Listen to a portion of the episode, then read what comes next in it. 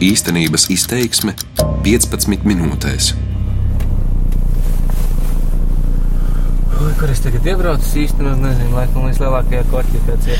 Kasparam Kalvītim ir 31 gads. Limbažnieks, absolvējis ekonomistus Rīgas Stradiņa universitātē, strādā. Patīk braukt ar mašīnu un sarunu laikā daudz joko. Kur tu man pīkšķi?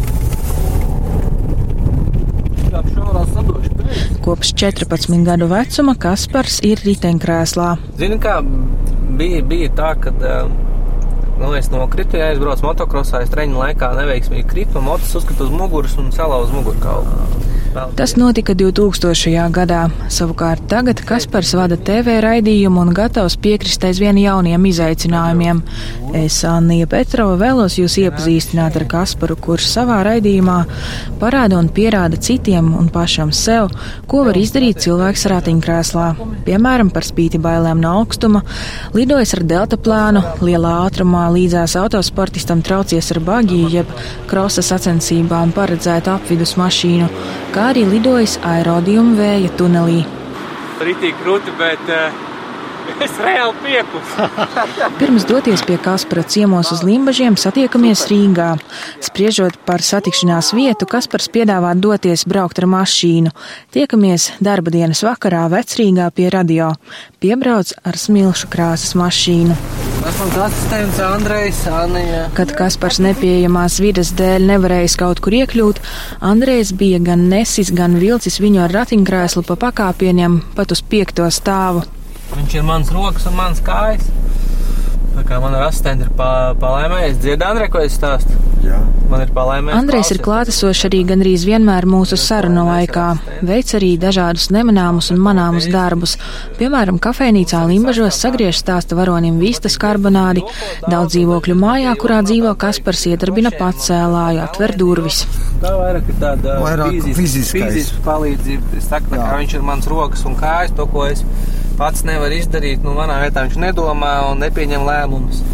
Bet, bet to, ko man vajag, ir fiziski izdarīt, jā, ko es pats nevaru saģērbties, eh, nezinu, kaut kur nokļūt. eh, Mašīnā viņš man ieceļ, ar mašīnu es pats braucu, tad, tad tālāk izcelt ārā.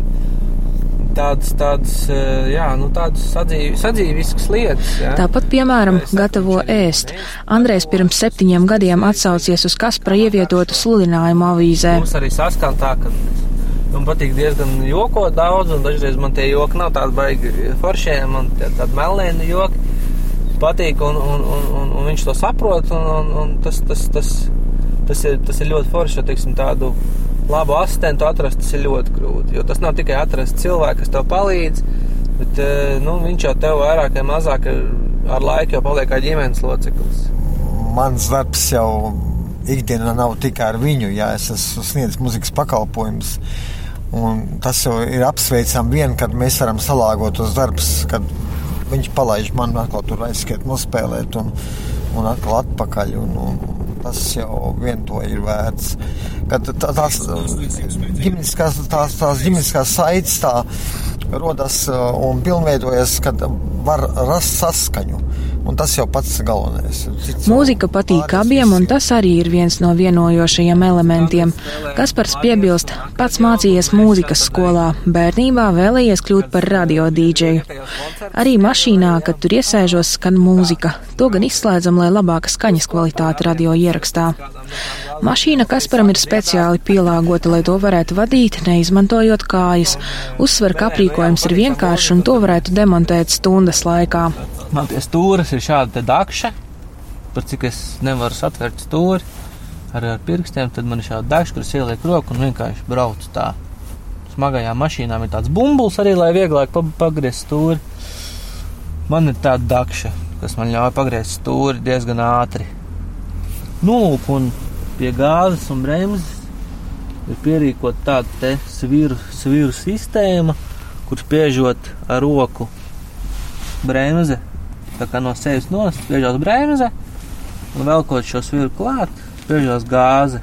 Kaspars ieguva autovadītāja tiesības par spīti tam, ka sākotnēji ārstu koncīlijas neiedeva medicīnisko izziņu par to, ka puisis varētu vadīt mašīnu. Toties citi ārsti gan viņam snieguši šādu izziņu. Tagad dažkārt nedēļā gadās arī katru darba dienu mērot ceļu no Limbažiem uz Rīgu un atpakaļ. Ar mašīnu braukt Kasparam ļoti patīk, un viņš to uzsver vairāk kārt, lai arī tas var nogurdināt. Turklāt mašīna esot ļoti dārgs prieks. Es īstenībā tīpaši, ja tu daudz brauc, tiksim, tā kā es. Es ļoti daudz braucu ar mašīnu. Es nobraucu diezgan daudz.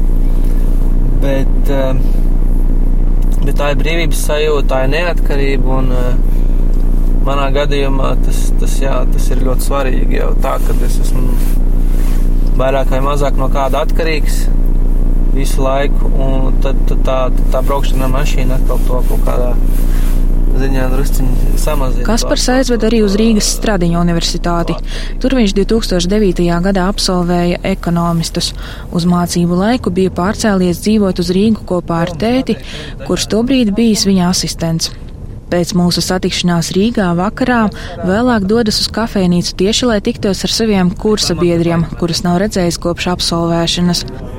Jau vēlāk, kad sēžam kafejnīcā Limbažos, kurā viņam visērtāk iekļūt un runājam par iespēju riteņkrēslā piekļūt dažādām vietām, Kaspars paskaidro. Tad es īstenībā aizgāju mācīties tur, kur es varēju tikt iekšā, kur bija lifts un kur bija pieejama. Nevis varbūt tur, kur es būtu gribējis mācīties.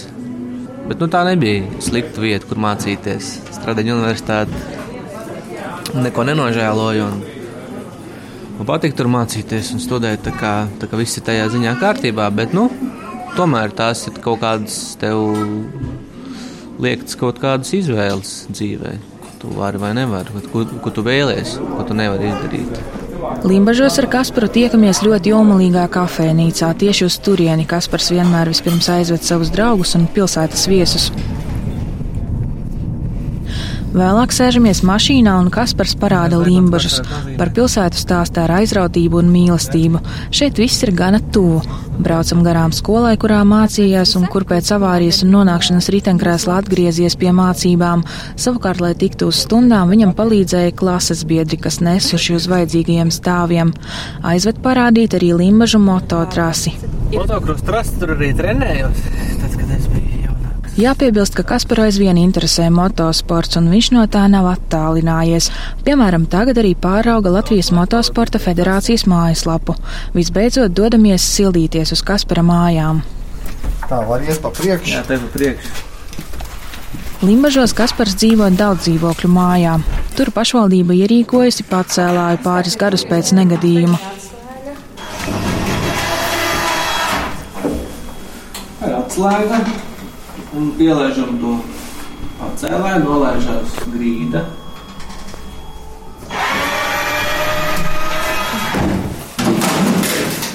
Uzbrauc uz grīdas virsmu.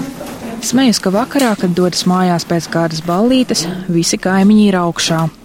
Kad Kaspars ir uzbraucis, Andrejs ver vaļā dzīvokļa durvis. Šī tā es atkal netiku no mājas ārā. Nevarēju ne strādāt, ne mācīties.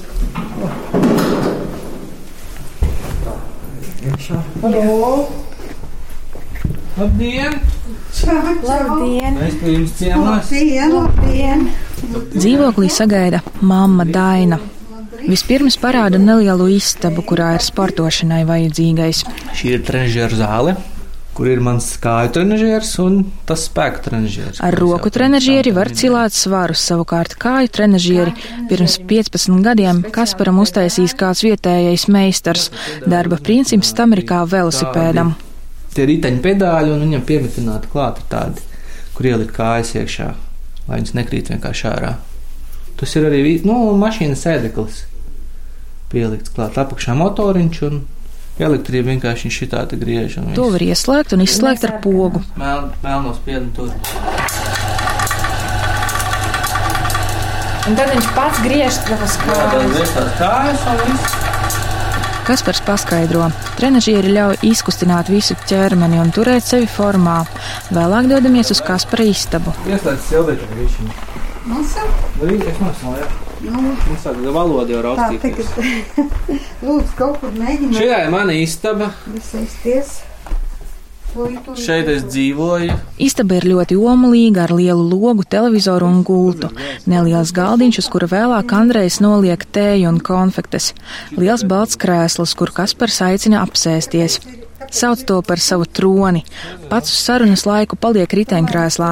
Istabā blakus lielajam mīkstajam krēslam stāv arī klavieres. Es māku arī spēlēt klavieru, bet, diemžēl, pirksts neklaus, tad es nevaru neko beigu uzspēlēt. Bet, eh, jā, klavieres ir. Viņas šobrīd aizņem daudz vietas. Kaspars smaida. Jāceļ māja, lai būtu kur klavieres likt. Jautāja Kasparam par izaicinājumiem, ar kuriem viņš saskāries. Apmēram pirms pusotra gada Kasparu pamanījis Apērons, organizācija, kas apvieno cilvēkus ar invaliditāti. Piedāvāja uzsākt darbu, būt par vienu no vadītājiem raidījumā trīs ceturdaļas. Šobrīd gan sezona ir beigusies un raidījuma veidošanā ir pārtraukums. Tas skatītājiem vēsta par aktualitātēm sociālajā jomā, fokusējoties uz invaliditāti. Viņa vadītajā raidījumā ir arī sadaļa trīs ceturdaļas trako, kur Kaspars mēģinot darīt dažādas trakas lietas. Piemēram, Kaspars bija lidojis aerodījuma vēja tunelī. Tur cilvēks bez palīgierīcēm var lidot drošā augstumā virs zemes ar vertikāli vērsta vēja spēka palīdzību. Šī vēja skaņu var dzirdēt arī ierakstos, ar kuriem dalījās Kaspars. Bravo, bravo! Es esmu rokas tā varēju noturēt. Malas. Bijis grūti noturēt rokas, un pēc tam viņam sāpējuši pleci. Forši tur, tur arī baigi foršais personāls, baigi foršie čaļi. Un, un, un viņi, man, eh, viņi man iedrošināja no sākuma. Es domāju, es par varu vai nevaru. Ja mēs aizbraucām uz turieni, parādīt tīri to, vai to var darīt cilvēku ratiņkrēslā vai nevar. Viņš saka, nē, ir lidojuši, viss kārtībā, neuztraucies, ej ģērbies. Izstāstīja to instrukciju un aiziet. Un tādām trepēm, tad tāds garš, garš metāla treps, tur Andrejs man uzvilka augšā arī. Tas arī bija viens tāds piedzīvojums. Tas treps bija bailīgāks nekā tā lidošana. Lūk, vēl viens fragments no lidojuma ieraksta, kad Kaspars piezemējies tikko pēc lidojuma un guļus stāsta par savām izjūtām. Ir baigi forši, bet, bet ir vajadzīga fiziskā, fiziskais treniņš drusciņi rokās. Lecos. Lecos un eh, man arī el elkoņi locītavās tā kā, tā kā ritīgi krūti, bet eh, es reāli piekusu. Kaspars izstāsta, ka šovasar bija izlēcis arī ar gumiju no Siguldas vagoniņa, lidojis virs Rīgas ar deltaplānu, braucis arī ar drifta mašīnu, traucies lielā ātrumā pa neceļiem līdzās autosportistam ar krosa sacensību mašīnu. Šī ir skaņa no lidojuma ar deltaplānu. Tieši lidojumi un izlikšana ar gumiju Kasparam bija nopietnākie izaicinājumi, jo viņam bail no augstuma. Atminas savu lidojumu ar deltaplānu. Tas arī bija forši īstenībā. Tajā video to nevar tā parādīt, bet tas baigi fantastisks izjūtas tādas, ka tu lido. Jo tas delta plāniņš, nu, kas tur ir? Tur ir divi sēdeklīši, pārni, motors un, un trīs ritentiņi. Un viss. Tev nav tā, tā fizioloģija riņķī, tā kā lidmašīnā, tas, tas, tas rāmis, ka tu jūties kā droši. Tur tā, tu sēdi uz soliņa un lido. Jā, tā bija tāda rītīgā brīvības sajūta. To es iesaku visiem iz, izlidot ar delta plānu. Izstāsta arī par lēcienu ar gumiju virs upes no Siguldas vagoniņa. To, to ir darījuši cilvēki ratiņkrēslos. Tas nav nekas jauns, bet eh, nu, par cik man ir bail no augstuma, tad tas man bija liels izaicinājums priekš sevis. Iesprādzēja ar visu riteņkrēslu. Tas diezgan ekstrēms, jo man izmet ar galvu pa priekšu. Lūk, fragments no raidījuma pēc tam, kad Kaspars jau ir nolecis.